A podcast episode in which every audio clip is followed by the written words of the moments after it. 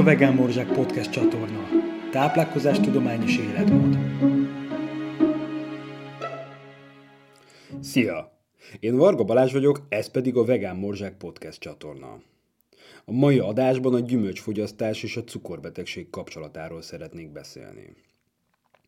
Annak ellenére, hogy már sokszor írtam erről a témáról, nap mint nap hallom, hogy valaki azért nem eszik gyümölcsöt, mert fél a fruktóz tartalmától, vagy éppenséggel azért nem eszik, mert a meglévő cukorbetegségek kapcsán alacsony szénhidrátbevitelő diétán van. Mielőtt belemegyünk a részletekbe, először kezdjük az alapoknál. A gyümölcsök magas vitamin és ásványanyag tartalommal rendelkeznek. A növényi táplálkozásban ezek töltik be a desszert szerepét. Hiszen a gyümölcsök többsége édes, ezért szívesen fogyasztjuk őket. Ennek ellenére mégsem eszünk elég gyümölcsöt. 2012-ben publikáltak egy kockázatbecslő analízist a Global Burden of Diseases Study című tanulmányhoz, ahol vizsgálták ennek étrendi kockázatait is. A tanulmány a halálozási okok eddig készült legátfogóbb és legszisztematikusabb elemzése. Közel 50 ország, 500 kutatója vett részt a munkában, és közel 100 ezer adatforrás dolgoztak fel. Jön az 1 millió dolláros kérdés, mi lett a végeredmény? A legfontosabb táplálkozási kockázati tényező, hogy nem fogyasztunk elég gyümölcsöt, ami évi 4,9 millió ember halálát okozta világszerte. A Union of Concerned Scientists szerint, ha csak egy étkezéssel több gyümölcsöt ennénk, már akkor több ezer embernek az egészsége javulna, ezzel több milliárd dollárt lehetne spórolni az egészségügyi ellátásban. Ha belegondolunk, akkor ezek félelmetesen nagy számok. Általános érvényű szabály az, hogy minél sötétebb egy gyümölcs, annál magasabb az antioxidáns tartalma. Ezért a bogyósz gyümölcsöket mindenképpen javaslom napi rendszerességgel fogyasztani, amikor szezonjuk van. A gyümölcsök a smoothie főbb összetevői.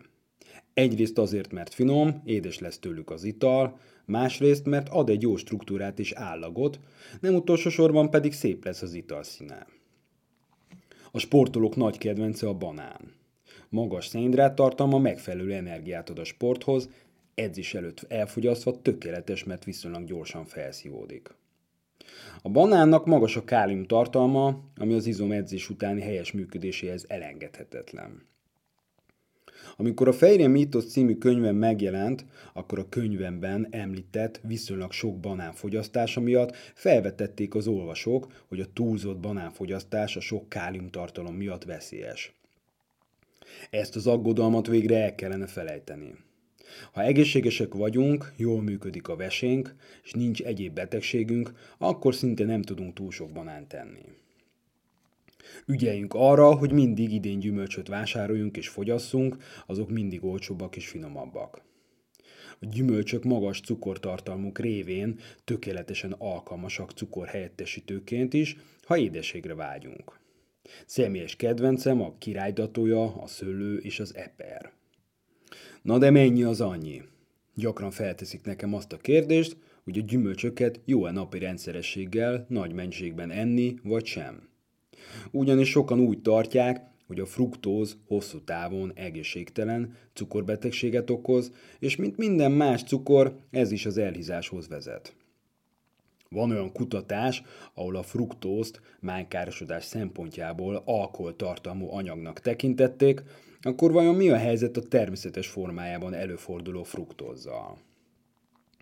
A tanulmányokból kiderült, hogy csak az ipari feldolgozás során létrejött fruktóz volt egyértelműen hozzákapcsolható a csökkenő májfunkciókhoz, és nem a teljes értékű gyümölcsök elfogyasztása során bevitt fruktóz.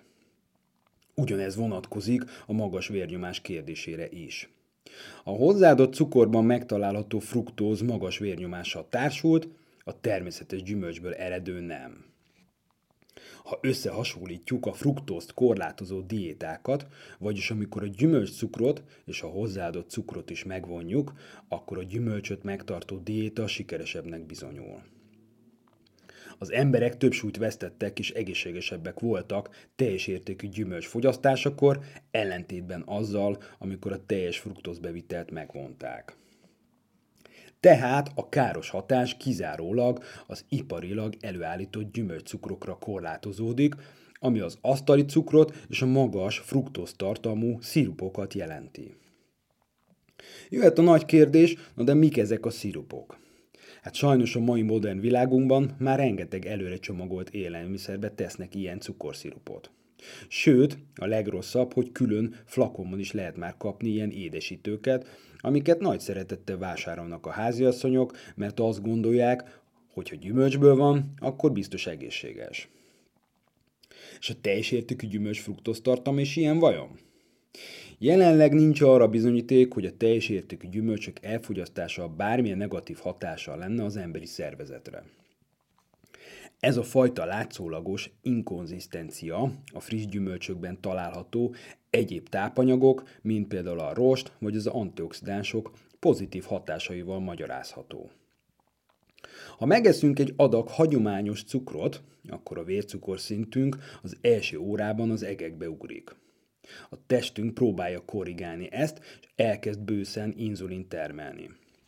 A második órában relatíve hipoglikémiásak leszünk, és a vércukorszintünk az evés előtti állapot alá esik.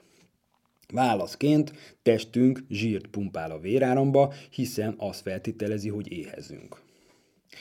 Mi a helyzet, ha teljes értékű bogyós gyümölcsöt eszünk?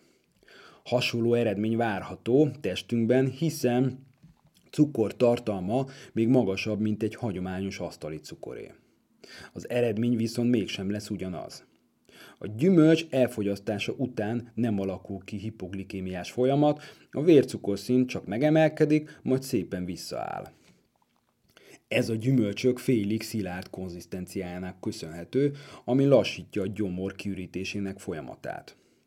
Ezen kívül a gyümölcsökben található rostok olyan hatással rendelkeznek, melyek lassítják a cukrok felszabadulását. A kísérletet elvégezték rostok megvonásával is, ami hasonló eredményeket hozott, a különbség az volt, hogy az inzulin válasz korábban következett be. A bogyós gyümölcsök elfogyasztását követő első 15 percben a vércukorszint tüskéje szignifikánsan csökkent, ellentétben a gyümölcslé elfogyasztását követővel.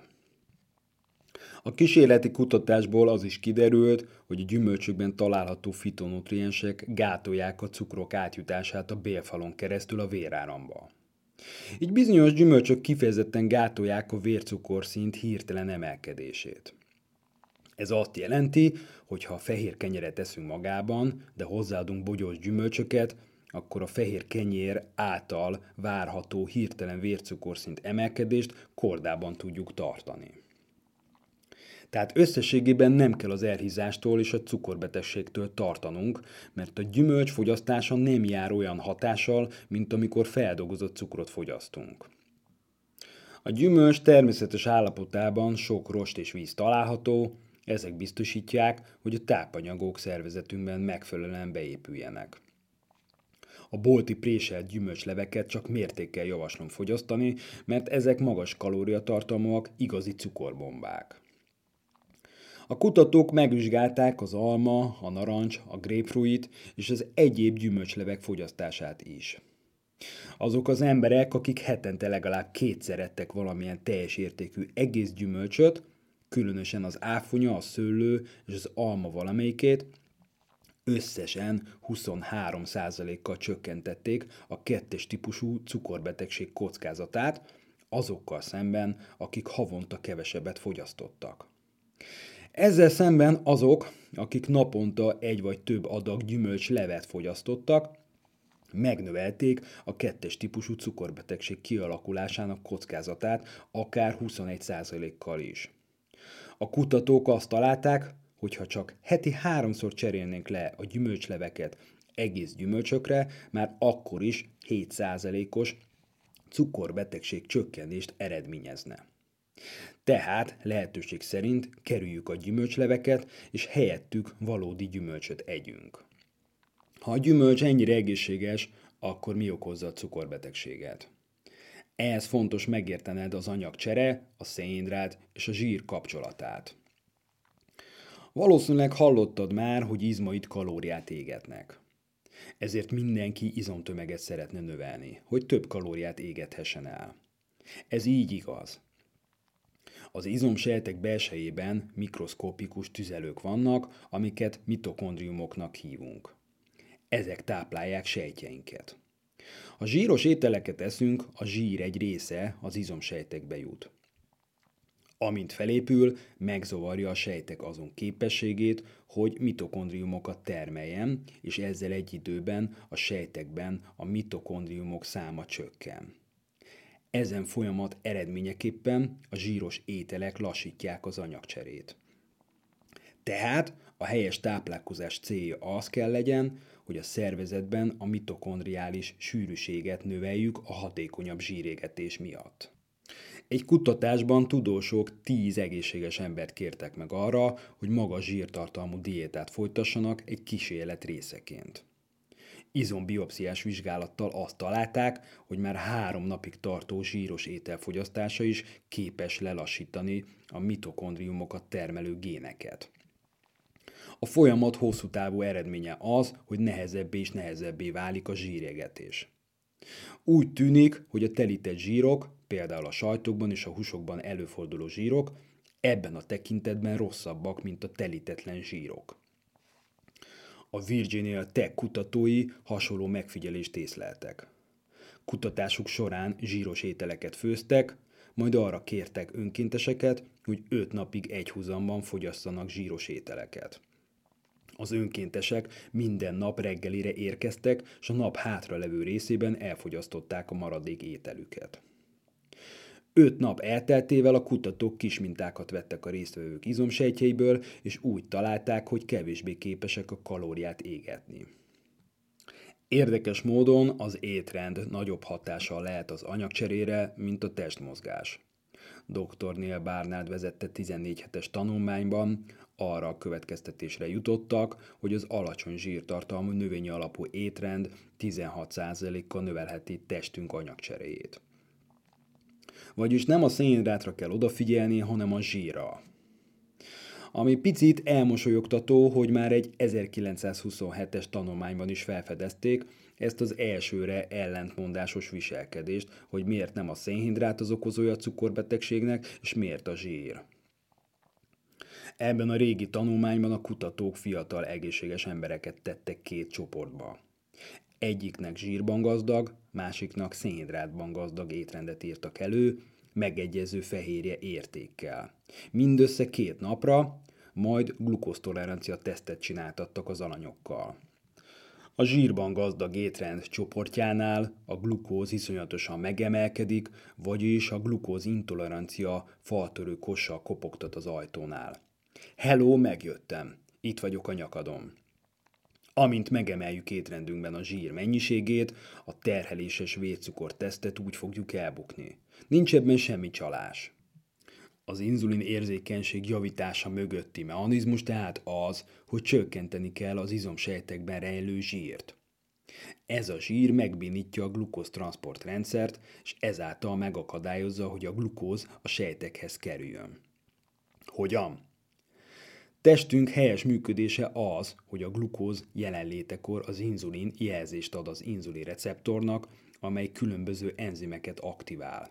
Majd a láncreakció legvégén az úgynevezett glukóztransport biztosítja, hogy a glukóz az izomcellákhoz jusson. Azonban ez a jelátviteli folyamat akkor tud elromlani, amikor a véráramban lévő zsír felépül az izomsejtek belsejében, majd mérgező zsíros bomlástermékeket és szabad gyököket hoz létre, amelyek blokkolhatják a jelátviteli folyamatot. A belső izomsejtekben felépülő zsírokat hívják intramiocelluláris lipideknek. Shirley 1927-es tanulmánya után több mint 70 évnek kellett eltelnie, mire rájöttek erre a tényleges folyamatra, hogy a zsír, különösen a terített zsír, miért képes inzulinrezisztenciát okozni. A nagy áttörés az MRI finom technológiája volt, amelyen már képesek voltak megvizsgálni, mi történik az emberi test izmaiban, amikor a zsír a véráramba kerül. Így egyértelmű bizonyítékot kaptak a tudósok arra, hogy a zsírszint emelkedése a vérben inzulin rezisztenciát okoz a glukóztranszport gátlásával. Tehát az inzulin rezisztencia a szénrát intolerancia egy állapota, amelyet a túlzott zsírfogyasztás okoz. Az alacsony zsírtartalmú étrendnek köszönhetően az izomsejtekben lévő zsír csökken, és a sejt inzulin érzékenyebbé válik. Majd jön az örök kibúvót keresők válasza. Én csak ritkán és kevés telített zsíradékot használok. Rossz hírem a kételkedőknek, hogy a zsírfogyasztás után már három órán belül is ki tud alakulni egy kezdetleges inzulinrezisztencia, ugyanis a zsír elfogyasztása után már 160 percig képes gátolni a glukóz felvételét. Elvégeztek egy ellentétes kísérletet is.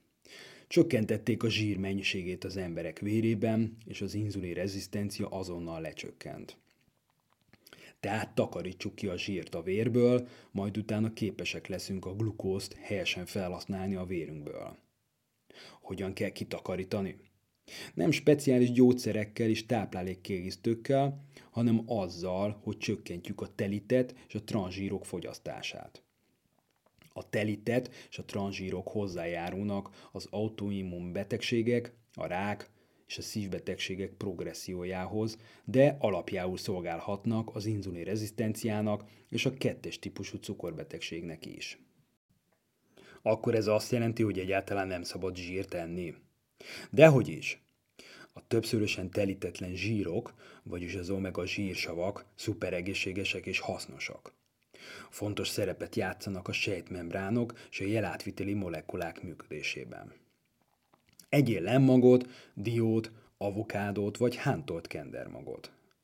Fontos megértenünk, hogy nem teljesen zsírmentesen kell táplálkozni, csak azokat a zsírokat kell kerülni, amelyek egészségtelenek. Egy étel elfogyasztása többet jelent annál, hogy energiát ad és csillapítja az éjségünket. Képletesen mondva, az étel kémiailag él, és játszik a DNS-ünkön úgy, mint egy zongorám. Egészen a közelmúltig általánosan feltételezték, hogy a DNS javításhoz szükséges funkciókat a táplálkozás nem tudja könnyen befolyásolni. A gyümölcsök és a zöldségek nem csak szimplán antioxidásokat tartalmaznak, hanem számtalan fitonutrienst is, amelyek növelhetik a méregtelenítő enzimjeink számát, modulálhatják a génexpressziót és javíthatják a DNS-t is. Egy ikertestvéreket vizsgáló tanulmányban kimutatták, hogy a DNS javítási funkciónak csak körülbelül a fele, háromnegyede genetikailag meghatározott. A maradék részt képesek vagyunk kontrollálni. Kevés olyan gyümölcs van, amelynek magas a glikémiás indexe. Ilyen például a dinnye, az ananász, a banán, a datója. Aki cukorbeteg, annak azt javaslom, hogy a magas glikémiás indexi gyümölcsöket csak mértékkel egye. Azonban fontos tudni, hogy a kettes típusú cukorbetegségnél sem kell megvonni a gyümölcsöket. Egy randomizált kísérletben vizsgálták a kettes típusú cukorbetegek gyümölcsfogyasztását, és azt találták, hogy a gyümölcsfogyasztás nem befolyásolta a cukorbetegségüket vagy a súlyukat. A gyümölcsből előállított cukrok, édeségek, szörpök nem egyenlőek a nyers gyümölcsel. A feldolgozott verziót lehetőleg ne fogyasszuk. De akkor mégis mennyit lehet tenni gyümölcsből? Dr. Bruce Brustrian, a Harvard Medical School professzora szerint a gyümölcsök nem károsak, és szinte bármilyen mennyiségben előnyösek. Szinte bármilyen mennyiségben. Lehet, hogy meglepő, de igen. Egy kísérletben 17 embert vizsgáltak, amiben arra kérték a részvevőket, hogy naponta 20 adag gyümölcsöt egyenek. Annak ellenére, hogy ez a táplálkozási típus rendkívül magas fruktóztartalommal párosult, megközelítőleg 200 g per nap, a kutatók nem tapasztaltak káros hatásokat a testtömegre, a vérnyomásra, az inzulinra és a lipid szintekre három, illetve hat hónap elteltével. Egyetlen egy mellékhatása lehet a nagy mennyiségű gyümölcs és zöldségfogyasztásnak, hogy a megnövekedett rostbevitel miatt nagyobb lesz a széklet is. De azt hiszem, ez elhanyagolható probléma a többi rengeteg előny mellett. Köszönöm, hogy meghallgattad az adást. Legyen szép napod!